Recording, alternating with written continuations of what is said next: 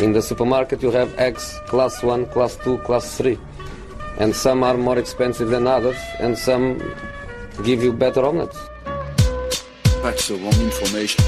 Wrong, wrong, wrong information. I didn't say that.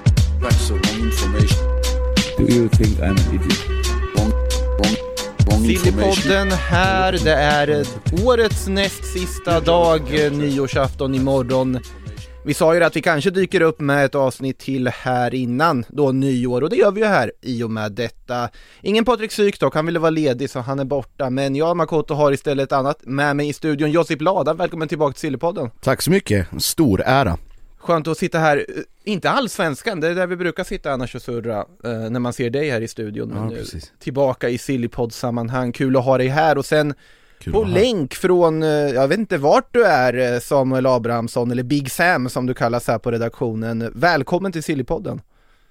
Tack så mycket. Jag är längst ner i Sverige, i Blekinge. Mäktiga, mäktiga Blekinge med Big Sam. Oj, oj, oj, oj, oj.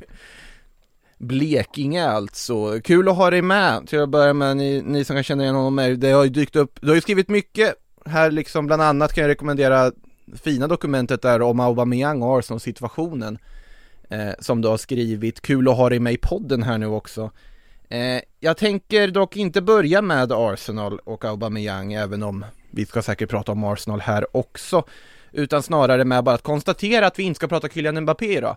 För att Kylian Mbappé har ju gått ut och sagt nu att jag ska ingenstans i januari, jag ska vinna allt som går att vinna med PSG, jag ska inte skriva på för Real Madrid redan nu och jag kommer aldrig spela för Tottenham. Det har han sagt.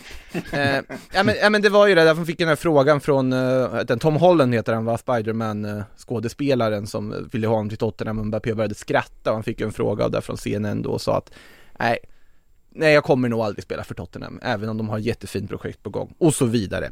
Eh, Så Kylian Mbappé kan vi lägga på is tills vidare för, inte för att någon trodde att han skulle flytta i januari, men nu har han sagt det rakt ut själv i alla fall. Däremot Osman Dembélé, Mm, denna eviga fråga och denna eviga problematik kring vår vän Ousmane Dembélé. alltså det var ju i princip klart rapporteras det om i katalansk media att han skulle skriva på ett nytt avtal, ett femårsavtal, ett femårsavtal som också skulle innebära att man kan, ja då, betala av, liksom skriva av resten av hans transfersumma över fem kontraktsår. Det var ju en ganska viktig aspekt i hela liksom Barcelonas pussel de lägger för att kunna förbättra truppen under det här vinterfönstret. Nu verkar det som att Dembélé inte kommer skriva på, senaste uppgifterna gör gällande att han, ja, Barcelona kan inte erbjuda den lön som Osman Dembélé vill ha och det här har ju ju alarmerat då andra klubbar som har gett sig in i jakten. Newcastle ska ha lämnat ett kontraktsbud bland annat. Sägs att en klubb som Manchester United, vad de nu ska in där och göra i det här läget, är där också. PSG kom ju direkt bara liksom mindre än ett dygn efter uppgiften om att det har strandat. Så var ju PSG med i leken och bokat ett möte med hans agent som heter Moussa Sissoko, som inte ska förvecklas med Watford-mittfältaren. Eh, ja, spontana reaktioner på det här med Osman Dembélé, att han inte verkar bli kvar i Barcelona.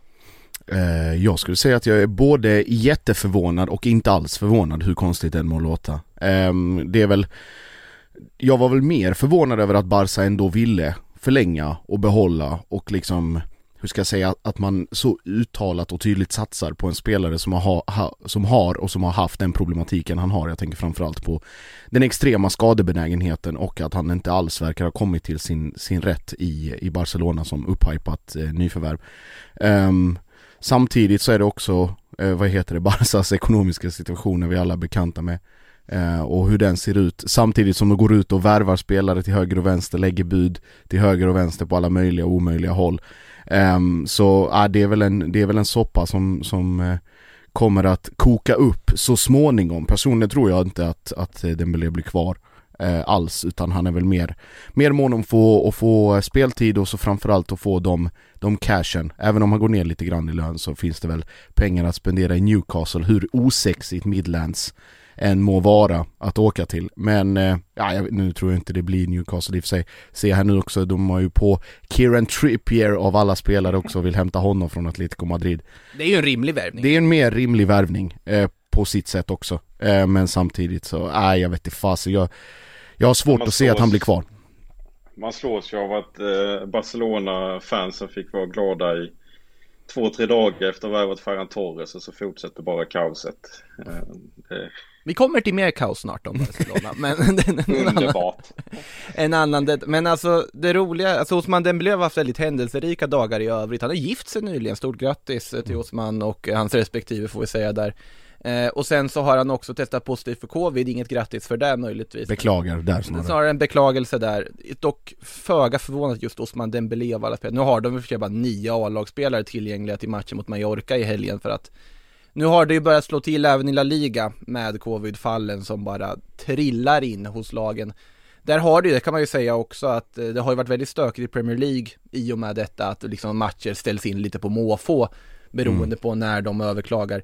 I La Liga har du ett väldigt tydligt reglemente som säger att om du inte har, du måste ha minst fem A-lagsspelare, registrerade A-lagsspelare tillgängliga och då minst utöver det 13 ungdomsspelare tillgängliga, då måste du spela matchen.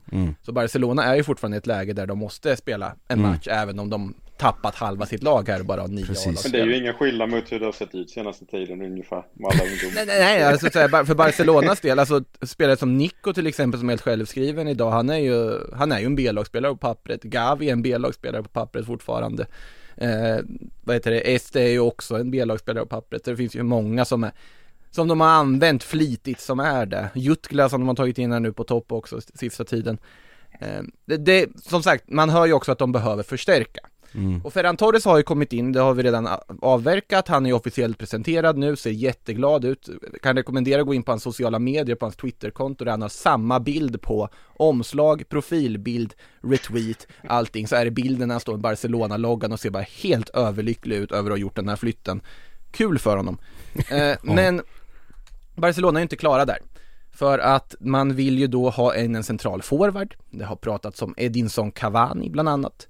Det har pratats om Anthony Martial lite. Men nu kommer det trovärdiga uppgifter ska sägas här för de som eh, undrar vad det ligger på för nivå det här. För det är ju AS och Marca samtidigt varav det är José Felix Diaz, en av de mest trovärdiga Marca-skribenterna för Marcas del. Som skriver att Xavi har identifierat sitt första val till ny nia i Barcelona. Alvaro Morata. Nej, jag vet inte var jag ska Ja. börja där alltså. Det, är, det, vi, det finns ju ett stående skämt bland, eller så här internt bland ens liksom bekanta och, och kollegor och sådär. Men jag skulle vilja- passa på att eh, i detta sammanhanget eh, lägga en liten shoutout till, eh, det, det är väldigt okonventionellt för de här sammanhangen att vi lägger shoutouts till höger och vänster till eh, vissa agenturer men Niagara Sports Company eh, ska ha all cred i världen för det arbete de lyckas göra med att sälja in Morata till alla världens toppklubbar eh, gång på gång på gång och att de lyckas behålla det här värdet som finns på honom. Pratar alltså någon som har spelat i Juventus, Real Madrid, Chelsea, Atletico och nu då till eh, vad det verkar Barcelona. Så att... Kan det inte vara eh, många som har varit i så fall i Atletico, Real och Barca? Nej, och det är framförallt då extra imponerande att man, att man lyckas då och kommer undan men då att eh, hur ska jag säga, åsikten bland gemene man är att Morata är en mycket, mycket begränsad anfallsspelare som dessutom har kanske den, kanske sällan skådad benägenhet att, att missa sol, solklara chanser. Alltså det intressanta med det här är att Alltså hur man lyckas, alltså värderingen som har lagts på Alvaro, alltså Alvaro Morata har sina fördelar som anfallare, han kan göra mål ibland, han har mycket, alltså ganska allround. Han var väldigt bra i Real Madrid när han var där innan han gick till Chelsea. Men bara där, när han ändå var i på någon sorts prime, när han var i Juventus också, första sessionen i Juventus var han alldeles strålande. Eh, Men att Real Madrid lyckas få vad det nu var 80 miljoner euro eller vad det var, jag minns inte exakt men det var ju hutlöst mycket pengar för Alvaro Morata där och då Från Chelsea till att börja med. Chelsea därefter lyckas på något vänster få honom till Atletico Madrid för massa pengar, vilket också var helt ologiskt varför Atletico skulle lägga de pengarna på honom. Atletico i sin tur, när de inte ville ha kvar honom, lyckas alltså hyra ut honom till Juventus över två säsonger, där vi är inne på den andra säsongen, med en obligatorisk köpoption på 55 miljoner euro för den här spelaren som fyller 30 nästa år. Eh, Atletico har betalat av 15 av dem, och det är ju här det blir det intressanta. För Barcelona, ja de har ju inte så mycket pengar, det vet vi alla. De vill ha en nia, Morata har Xavi då liksom ringt själv enligt uppgifterna, sagt att jag vill ha dig till Barcelona. Morata har sagt, ja men jag, Oj. jag, jag vill inte vara Juventus mer, jag trivs inte bra, det här låter jättekul. Jag kan tänka mig att gå ner i lön för att passa inom eh, La Ligas Financial Fair Play-regler, det här kan gå, jag vill spela för Barcelona. Det här är inte en kortsiktig lösning, det är ingen sex månaders lån. Vi vill ha in dig och faktiskt Mm. ha dig på topp i det här nya Barcelona. Eh, men då är det ju så att han just nu tillhör Atletico men är utlånad till Juventus som har en obligatorisk köpoption på honom när kontraktet går och den kommer ligga på 40 miljoner euro i och med att det är det som är kvar att betala. Ja. Samtidigt är Atletico Madrid skyldiga Barcelona 40 miljoner euro som de kommer behöva betala för Antoine Griezmann. Så att uppgifterna gör gällande då att de kommer att kvitta ut det här på något sätt. Det här ska vara en jättekrånglig affär att lösa. Men att Juventus ska ändå vara redo att släppa honom, de vill inte betala de där 40. De vill hellre gå på ett billigare alternativ och plocka in eh, ja, Arkadiusz Milik eller Skamacka eller ja, Icardi som jag tror det kommer sluta med i slutändan. Och kan tänka sig bli av med honom. Atletico kan få sina pengar genom att de kvittar Griezmann mot Morata på något vänster. Och sen hamnar Alvaro Morata i Barcelona. Ehm, Men nu har du, nu har du redogjort formidabelt kring allt med pengasituationen och så vidare. Jag bara vill nämna vid att det känns ju väldigt konstigt att Xavi skulle se honom som en första anfallare för han har ju ingenting av det som egentligen Barcelona borde vilja ha en anfallare. Nu. Det beror ju på vad de vill ha, de behöver ju nia i allmänhet. För att just nu så är den enda de har tillgänglig Luke de Jong. Mm, Luke de Fina Jong. Luke. Mäktiga Luke de Jong. Luke de Jong som kommer att skeppas illa kvickt om de lyckas under det här fönstret. Det är oklart om man tackat ja till det där Cadiz-anbudet än, det har inte framkommit någonting mer. Jag har ju tänkt nu när de värvar Torres att de vill köra han som någon slags falsk nia och sen Dembele på ena kanten och sen Fati på andra kanten när han är tillbaka för sin skada. Men eh, det verkar inte så om man vill ha in Morata. Nej, det är, alltså Torres är ju värvat som en ytter. Och jag tror Ferran Torres kommer utgå till höger. Och sen kommer väl Ansu Fati då till vänster möjligtvis. Och sen har du ju i och för sig Memphis Depay när han är tillbaka från skada. Och lite alternativ på så vis. Men de vill ha in en central forward. Alltså det smarta för dem hade ju varit att pusha för Cavani, kan jag tycka. För där får du, där får du erkänd kvalitet rakt in på topp. Då får det en kortsiktig lösning, absolut. Men om de har någon form av, alltså reell förhoppning att plocka Erling Braut Haaland, vilket de faktiskt i Barcelona-lägret verkar tro ska På finnas. riktigt, ja. De verkar på riktigt tro att de skulle kunna konkurrera om Haaland. Särskilt nu när Haaland har flörtat jättemycket med att han vill till Spanien. Det här har ju dragit igång liksom rykteskarusellen i Madrid också där man faktiskt nu börjar prata om att Haaland Mbappé på en sommar är möjligt. Barcelona kanske snarare vill skjuta Haaland övergången ett år till för att kunna spara pengar, spara, liksom bygga på så att man faktiskt kan ge honom ett projekt som man tror på. Eh, Morata, om han ska vara på ett längre än liksom en halvårslösning, ja. Xavi har väl sett honom i landslaget, han känner alla, han är ju liksom otroligt nära vän med många i laget. Han skulle ju lätt kunna gå in och fungera för att han funkar i spanska landslaget. Mm. Men såklart det inte är vad Det liksom, är inte Barca-material på något sätt. Och det är inte ens Barca-material i det här Barca vi pratar om. Knappt det. Au, alltså det är ju det är en uppgradering på det de har. Ja men å andra sidan, vi, vi tre som sitter här hade ju kunnat göra nästan lika bra jobb som, som de Jong i anfallet. Stå och bara vänta och så kommer någonting. Det är lugnt, det är inga problem. Vi skulle också kunna gå på, ligga på noll mål. efter- Ja, definitivt. Det är ingen bedrift. Ja, nej men Lu- Luke de, Luke de Jong-värvningen är ett annat kapitel, den, eh, den, den är vad den är om vi säger så. Eh, Och det var ju Ronald Komans lilla idé. Och då, Ronald Koman är ju inte kvar. Man, man märker ju på att han, Ferran Jutgla har fått chansen istället för uh, Luke de Jong, hur högt han står i rangordning hos Xavi. Men som sagt, Morata alltså ska vara Xavis första val som anfaller till Barcelona, får se om det materialiseras till någonting, även om det varit är trovärdiga uppgifter som säger det. Det är flera också, ISBN har också hängt på med egna källor som säger att Morata kan vara aktuell för Barcelona och vara intresserad av det. Eh, vi kan hålla oss till anfallet för att en annan anfallare som skulle kunna flytta på sig i vinter är ju Anthony Martial i United. Eh, senaste där är ju att United har nekat ett lånebud från Sevilla. Eh, detta då United vill ha eh, liksom full ersättning för hans lön under tiden han blir utlånad. Sevilla erbjuder ju bara hälften. Eh, spontan fråga till er, vad tyck, vad, vilka skulle passa bra, liksom, borde värva Anthony Martial? Jag tycker Sevilla hade varit jättespännande att se honom i. Ja, jag håller med. Eh, Jag tror också det skulle finnas ett, eh, ett par klubbar i Italien som inte hade varit helt oävna för att ta in Martial. Eh, Jag ska inte sitta här och spekulera i vilken klubb som hade passat allra bäst men jag har, har ganska tydligt för mig att han hade gjort det bra i den typen av miljö också. Framförallt inte bara på grund av att det är Italien och en annan typ av fotboll men också för att det är något helt annat än Manchester, än eh, vad heter det, eh, Ralf Rangnick och eh, Ole Gunnar Solskär och allting med vad det innebär att vara i och omkring Manchester United just nu. Eh, så att, eh, jag menar visst, Sevilla definitivt, men även eh, kanske en topp top 5, topp 6 klubb i Italien, varför inte? Milan. Jag tänkte. Ja. ja, jag tänkte förslag. samma sak utan att det fanns ett eh, rykte kring det. Alltså Milan, Milan behöver ju speed. Mm. Och alltså, ja, För Rafa Leao, han, han har ju det, men han är lite för ojämn. Eh, Zlatan, Giroud tillsammans på topp, det blir ju sagan om de två tornen, det går ju liksom inte. Eh, och Sälemäkers är allmänt medioker, även om han är lovande. De, de, just det som saknas i Milan tycker jag är speed, och få in en spelare som Martial där, här kunde han göra underverk. Mm, Ja, framförallt en, re, en restart för honom själv också. Mm. det, det är ju till exempel i Inter är det ju väldigt fullt där framme. Eh, och ja, Roma satsar på Tammy Abraham och Mkhitaryan, de, de där bakom. med Milan känns ju verkligen som att han hade passat bra och de behöver ju eh, någonting nytt. Sen är väl frågan eh, hur mycket pengar som finns i Milan eller om de kan få till en lånedeal eller inte. United verkar ju inte eh, säga nej till det direkt.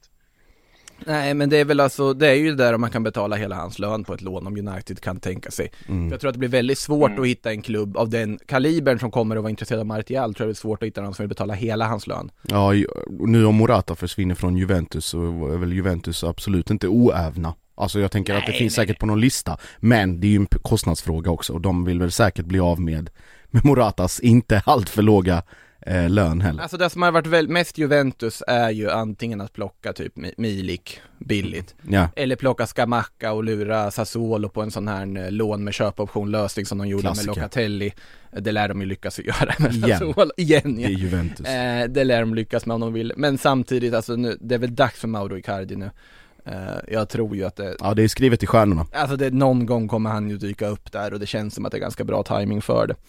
Eh, tänker vi gå vidare till Chelsea för att de har ju lite försvarsbekymmer nu. Mm. Eh, ben Chilwell borta sannolikt resten av säsongen med efter att då liksom nu kommer tvingas till en knäoperation, korsbandsskada. Otroligt tråkigt för honom och för Chelsea.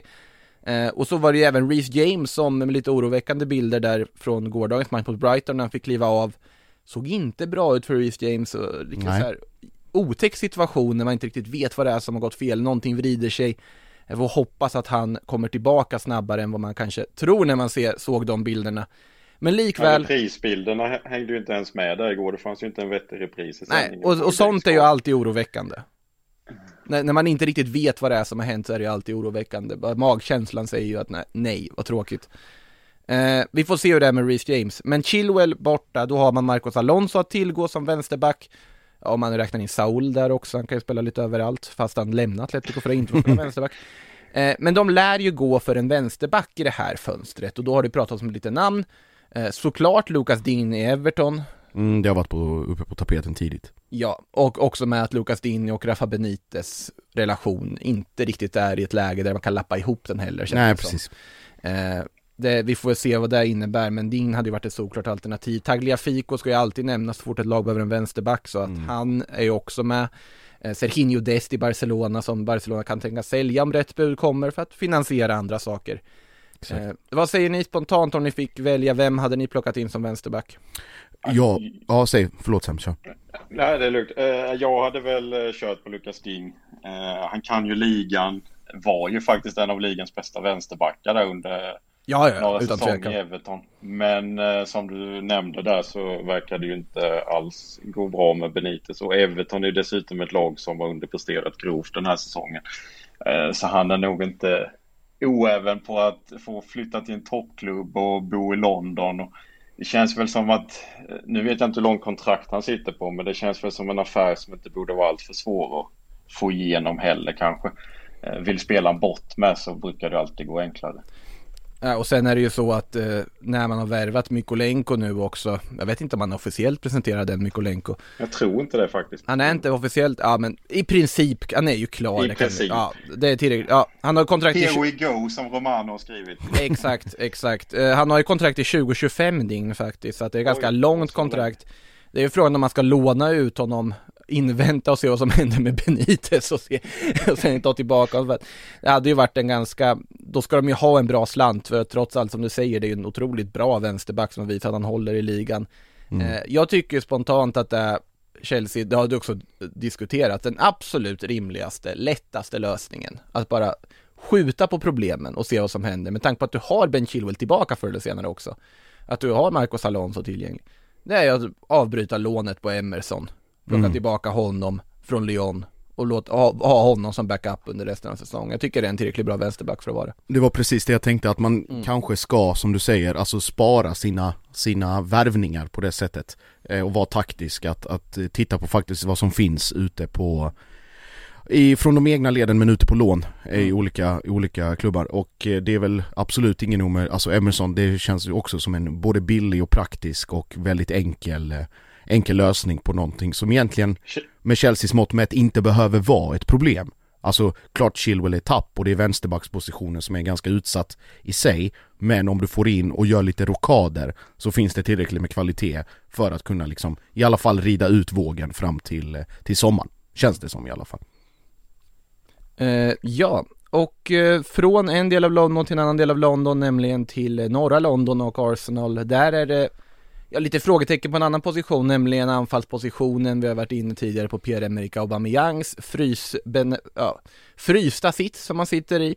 Eh, samtidigt så är det ju lite kontrakt som är på utgående front där, bland annat då Edin Kettia som Arsenal vill förlänga men som kan, han kanske snarare vill hitta en annan utmaning där han får spela mer speltid.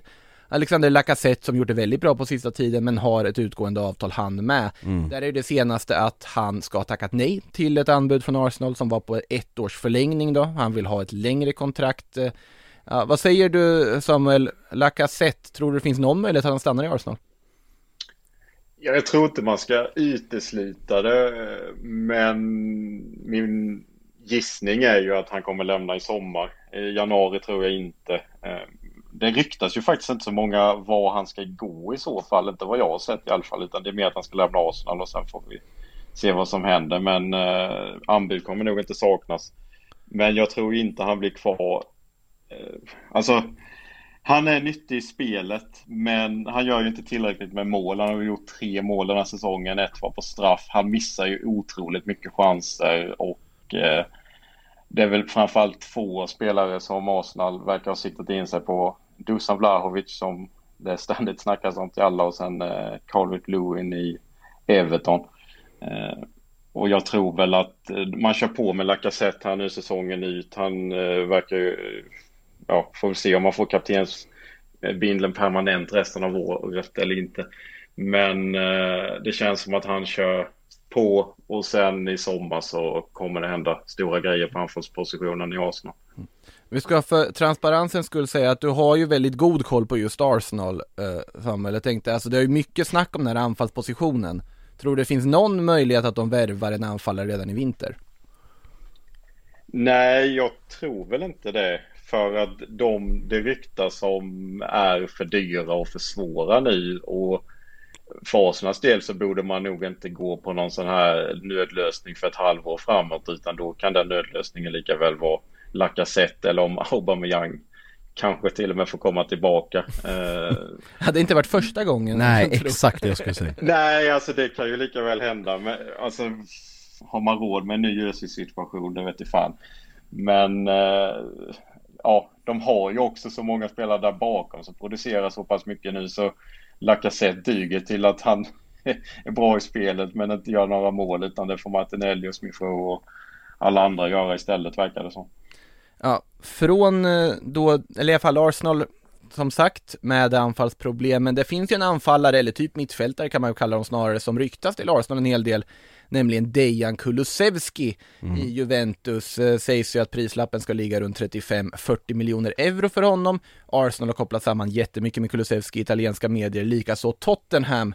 Eh, Tottenham som kommer koppla samman med allt som rör sig i Serie A i och med att de har Fabio Paratici som sportchef. Givetvis. Givetvis. Men även Bayern, ja, men även Bayern München har dykt upp här i Gazzetta dello Sport. Eh, sägs att de har Kulusevski på en lista över namn. Nu kan ju den listan innehålla väldigt många namn. Givetvis. Möjligtvis. Men jag frågar, vad säger du Josip? Eh, Kulusevski till Bayern, hade det passat? Typisk Bayern München-värvning i, så många, i, så, i så många avseenden, framförallt de senaste åren sen Hali, Salihamidzic och, eh, och Khan eh, har styrt eh, skeppet. Eh, och eh, spelmässigt och kvalitetsmässigt så skulle, tror jag, alltså det är inget, det är inget nedbyte från Coman eller Tolisso som man är på väg att tappa, Coman som har varit på väg bort ett bra tag, eh, utan snarare en miljö där jag tror att eh, Kulusevski hade frodats eh, i och där det finns ett, ett väldigt tydligt liksom ramverk och system hur, utifrån hur man arbetar. Det är lite, det är lite Juventus-aktigt men på andra, och samtidigt på helt andra sidan av spektrat att du följer mallen, du följer planen, du följer strukturen och då framförallt då eh, under Nagelsmann som, som coach eh, så tror jag att det kan bli, kan bli succé om det nu går dit. Bayern München, när vi ändå är uppe, inne på dem, var ju stora rubriker i brasiliansk press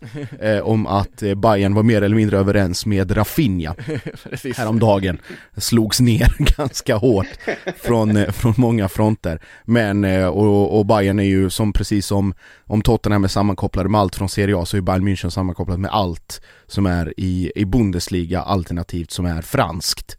Eh, så att det, Va- det Nu är ju varken Kulusevski eller Rafinha Nej. varken fransmän eller Bundesliga, men de är snabb yttrar. yttrar, franska, snabba yttrar, tekniska yttrar. Och det leder mig då till nästa segway här då som blir, eh, man pratar om? Mattias Ginter eh, som kommer från Mönchengladbach. Och Gladbach som inför den här säsongen var en, en i alla fall en topp 5 contender eh, men som har underpresterat. Å det grövsta. eh, och haft enorma problem. Eh, befinner sig just nu i, i absoluta bottenträsket.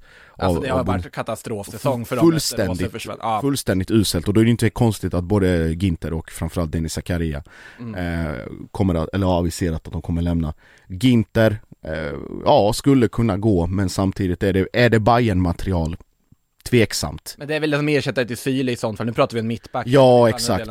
Exakt, och tysk landslagsman och Hadeli Hadela Men jag, jag har svårt att se det. Romano skriver att Inter framförallt Mm. är, är ett eh, alternativ och det är väl det, där det kommer hamna också. Man vill ju, man vill ju se Ginter till Inter. Ginter till Inter, ja just det, det- givetvis. Man vill ju se Ginter till Inter för att alltså, det, det, jag satt och tänkte på det när jag såg det liksom, vilka andra spelare finns det som som spelar i klubbar som rimmar på deras namn.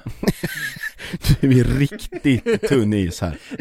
ja, men jag, tycker, jag tycker det är en viktig fråga att ställa, alltså vi, det här är ju ändå en podd där vi brukar diskutera att, ja men vad kul det hade varit att se Lorenzo Insigne, Giovinco och Ryan Fraser i samma lag för att det skulle vara så kort kant. Mm, mäktiga Toronto.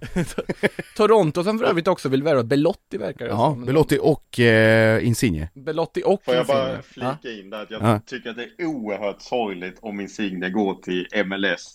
Ah, Jag ja, ja, ja. älskar Insigne och han är bara 30 och nej, jag mår bara dåligt när jag läser ja, men det är om typ- det. verkar ju väldigt nära nu tyvärr. Det är typiskt, eh, för att säga det, typiskt Napoli. Eller typiskt De Laurentis framförallt, att inte se det alla andra ser utan leva i sin egen lilla värld, på gott och ont. Eh, så att jag är, jag är inte skitförvånad över att, över att det händer. Eh, men Toronto av alla klubbar och den, Ja. den vägen, ska göra en reverse Jer- Jermaine Defoe? Och komma, Komma tillbaka till Glasgow Rangers. Precis! Nej det är overklig, overklig resa. Men eh, för att då avsluta det här lilla Bayern bayern kapitlet för att gå tillbaka till, till frågan. Eh, ja, Kulusevski hade varit väldigt intressant och nästan ett, ett givet alternativ där då. Och framförallt då när Davis kommer tillbaka. Eh, man har eh, Kimmich som har varit lite i antivax, blåsväder, eh, flera andra Bayern München-spelare. Choupo-Moting också den här spelaren. Ja, det är Morata Och 2.0. älskade honom. Eh, Mo-. Morata 2.0 när det kommer till att sälja in sig själv till klubbar. Eh, men eh, vad heter det? Nej och varit rörigt där men eh, absolut ett, ett alternativ och verkligen ett namn som Bayern borde gå för om man, om man frågar mig. Ja. Eh, Säger jag här och sitter i en Bayern München tröja också. Är det där en Bayern München? Ja givetvis. Ja, Där, just det, den, ja, Sitt, transparens här i Sillypodden. Vi har Josip Ladan i Bayern München-tröja på plats. Mm, givetvis. Eh, I alla fall. Vad, det var det jag skulle säga, nu hoppar vi tillbaka förbi alla möjliga punkter och, och grejer. Jag är inte van vid att programleda, var det Patrik Syk? Nej, men eh, det jag skulle säga i alla fall, om vi bortser från min lilla segway där på rimmande spelarnamn, har inte kommit på någon men jag satt och funderade, för Salva Sevilla spelade ju tyvärr i Betis och inte i Sevilla om jag inte minns helt fel. Eh, så det rimmar ju inte, det är samma ord dessutom. Exakt. Eh, så är det ju så, du nämnde ju det, både Ginter och Zakaria i alla fall som ska lämna Gladbach på grund av kontraktslutet, det är ju officiellt bekräftat. Zakaria känns ju som en sån här spelare som också skulle kunna gå till någon klubb redan nu i vinter. Ja, Och att definitivt. alltså någon köper loss honom, för det där är ju den spelartypen som jättemånga klubbar tittar på. Alltså Manchester Snackas en United, del om Arsenal. det har det pratas gjort där, ja. ganska länge, Roma har det ju pratats om en del också när det kommer till just Zakaria.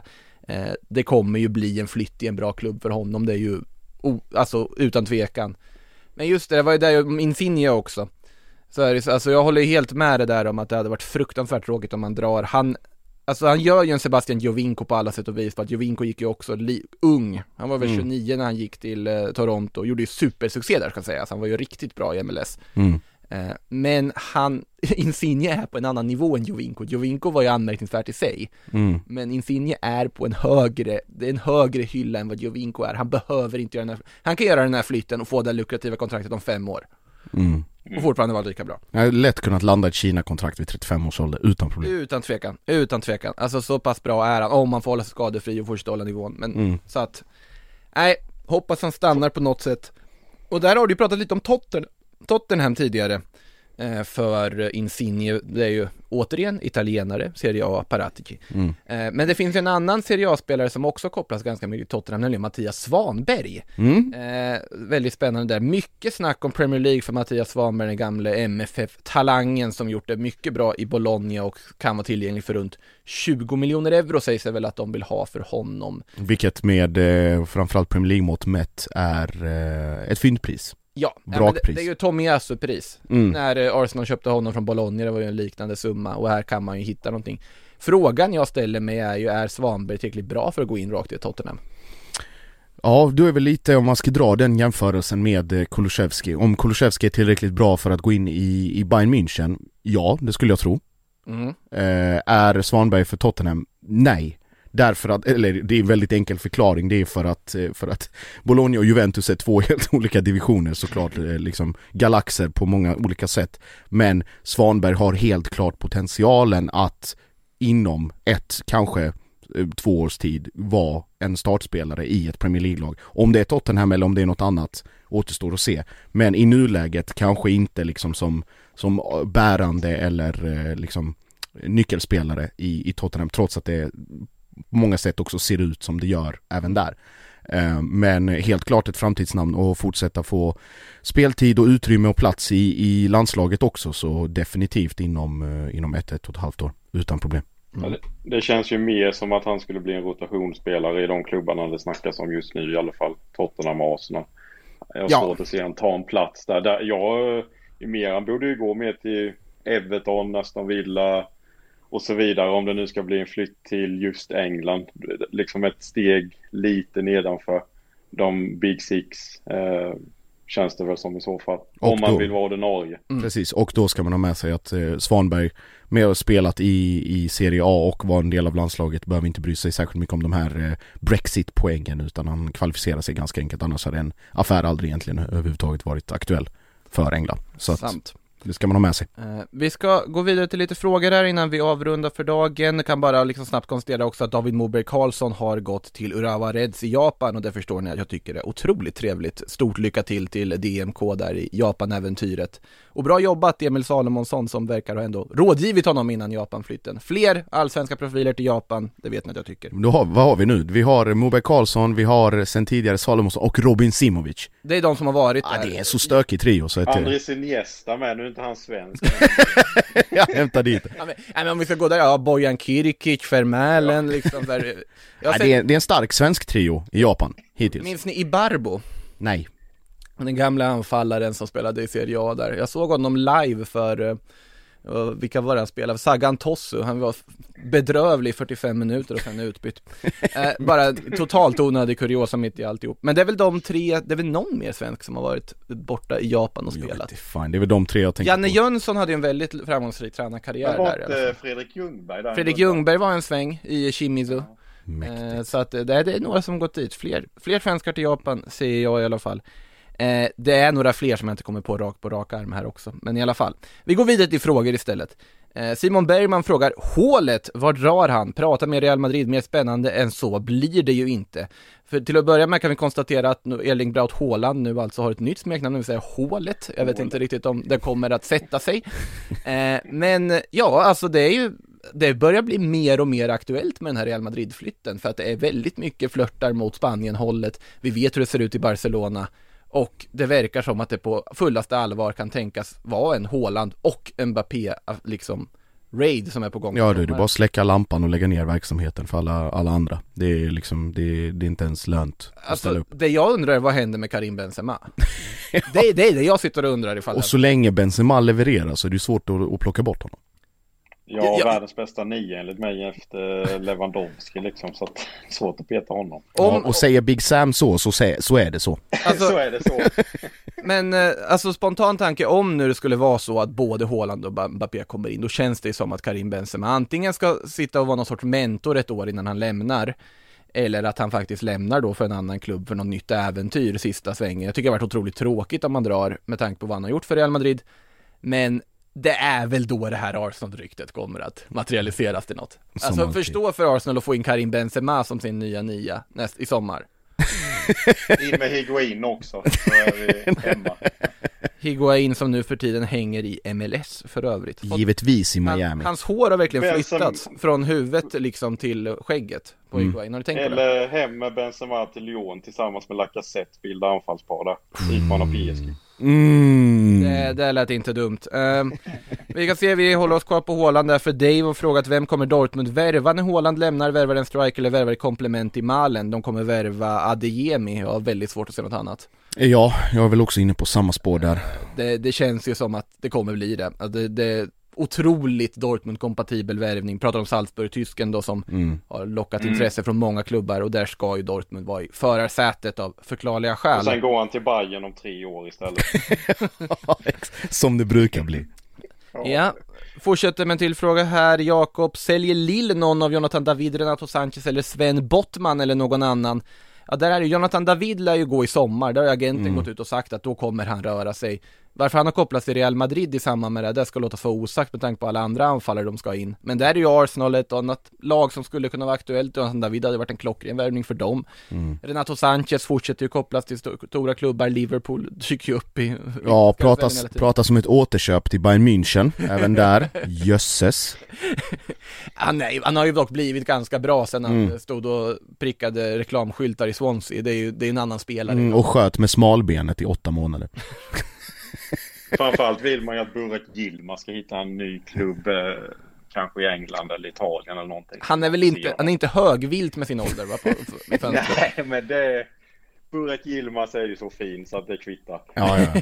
Vad heter det? Bottman snackades ju också om, det har han varit i diskussioner kring Atalanta.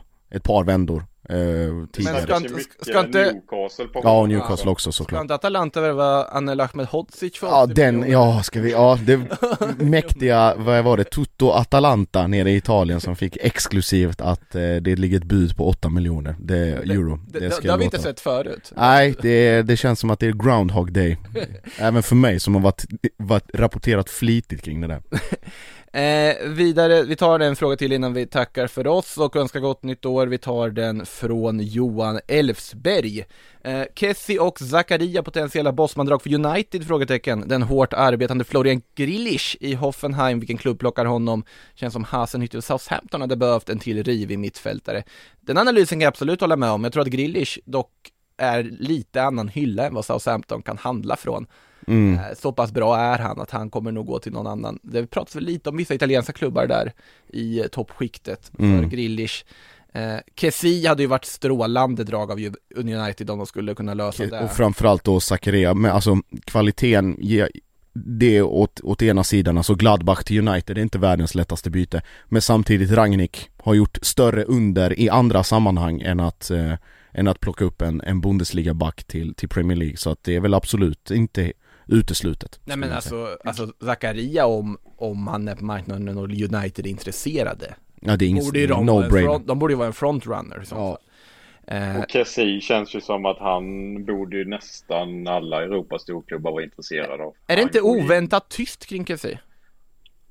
Jo, verkligen, men Milan håller ju på att hamna i samma situation som med Donnarumma. Att eh, en spelare som man borde kunna få jäkligt mycket pengar för går gratis och så säger man bara bye bye till Milano-klubben. Och det känns ju inte riktigt bra, kan du inte göra för Milan. Eh, det känns väl som att det blir allt mer talar för en flytt och eh, det har varit kul att se han i England. Jag tror han hade funkat lika bra där faktiskt. Känns jag även som spelare som Arsenal skulle kunna vara ah, intresserade av både Zakaria och Kessie.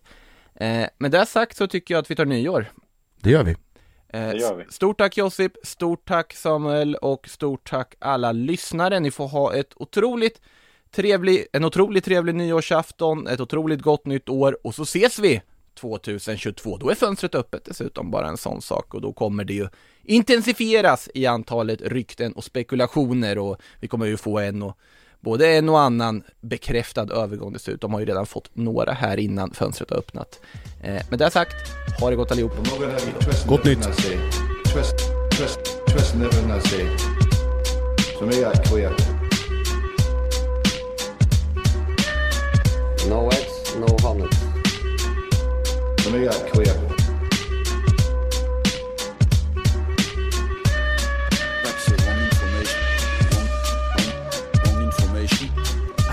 Say that. That's the wrong information. Do you think I'm an idiot? Wrong, wrong, wrong information.